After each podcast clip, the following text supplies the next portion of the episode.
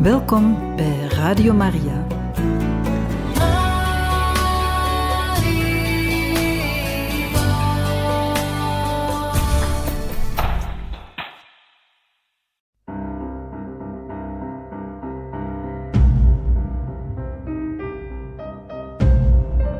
Het woord spreekt. Een programma van Radio Maria.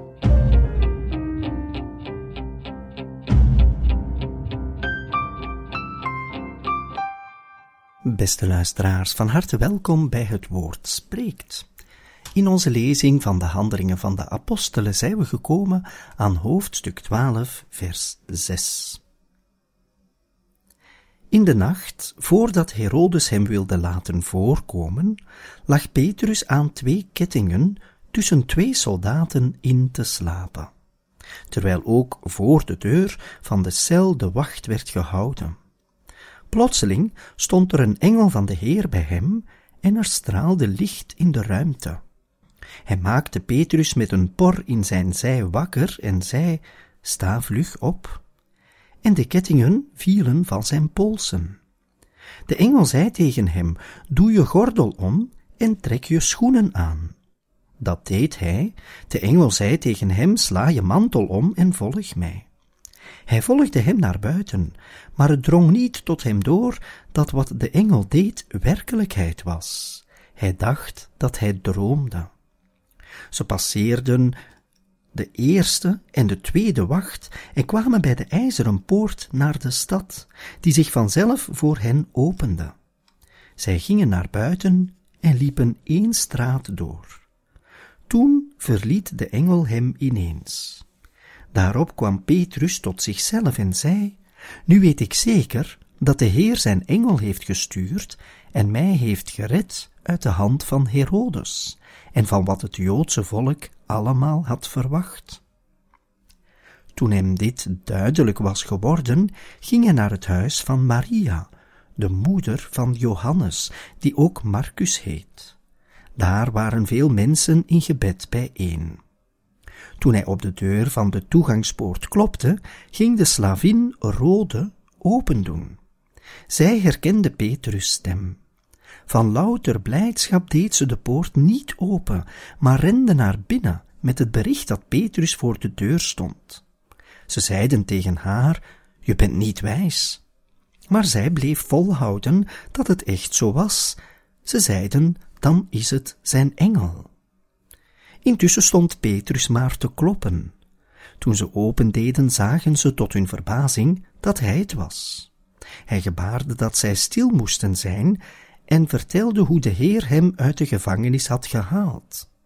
Stellen jullie, zei hij, Jacobus en de andere broeders hiervan op de hoogte. Daarna vertrok hij naar elders. Toen het dag geworden was, ontstond er onder de soldaten grote verwarring over wat er met Petrus gebeurd kon zijn. Herodes liet naar hem zoeken, maar toen hij hem niet kon vinden, onderwierp hij de wachters aan een verhoor en liet hij hen terechtstellen. Daarop vertrok hij van Judea naar Caesarea en bleef daar.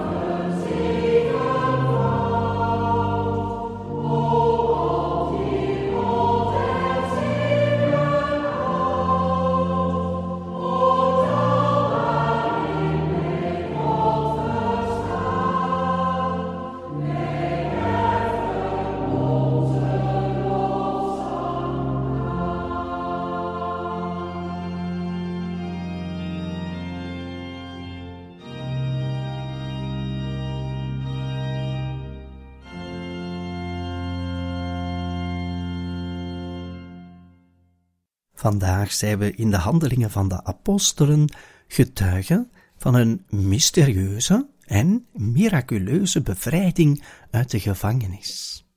Petrus is gevangen genomen, omwille van de blijde boodschap.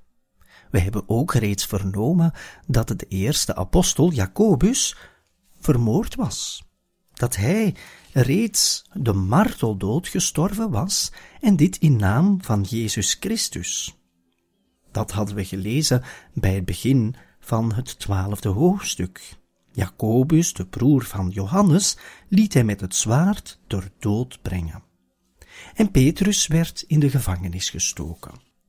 Petrus ging ook terechtgesteld worden, maar hij zal op een mysterieuze manier bevrijd worden. Mysterieus, maar wel werkelijkheid.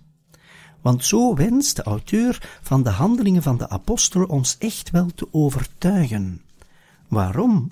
Wel, we zien dat er op een gegeven moment staat dat Petrus dacht dat hij droomde. Maar hij zal begrijpen dat het werkelijkheid was. Mirakels behoren ook tot de werkelijkheid. Niet elk mirakel is een droom, is iets dat gefantaseerd wordt, of is een legende. Als we in het evangelie geloven, in Jezus Christus, dan moeten we openstaan ook voor mirakels. Misschien zijn we niet elke dag getuigen van zeer spectaculaire mirakels, maar ze bestaan wel. In het evangelie staan er vele beschreven. Het feit is niet alleen om in die mirakels te geloven, maar daardoor geloven wij dat God alles kan. Of beter nog, voor God is niets onmogelijk. En daar gaat het over. Ook in het evangelie, ook in de handelingen van de apostelen.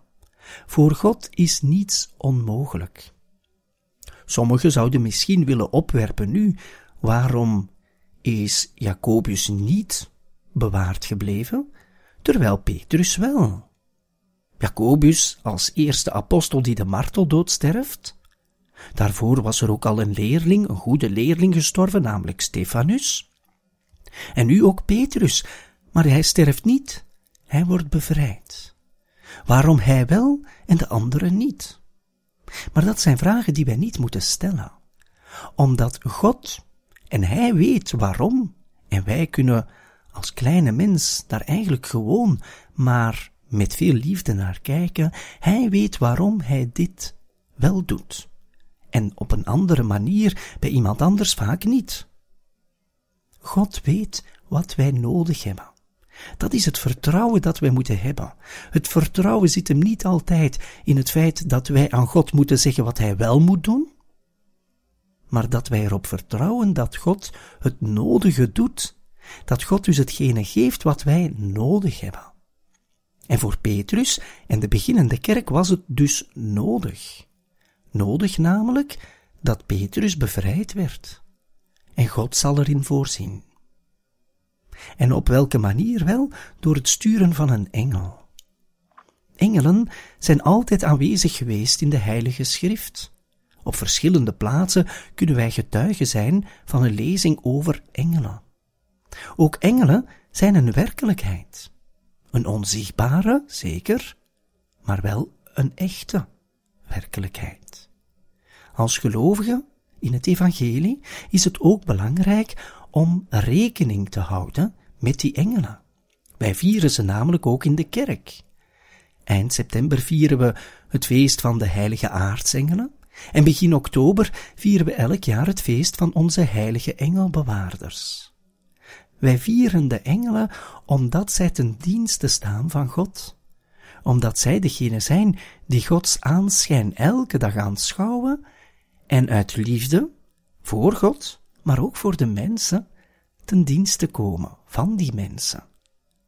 Zoals Jezus zelf getuigt in het Evangelie, je ziet engelen naar boven en naar beneden komen, tussen de hemel en de aarde, als ware het een soort van brug.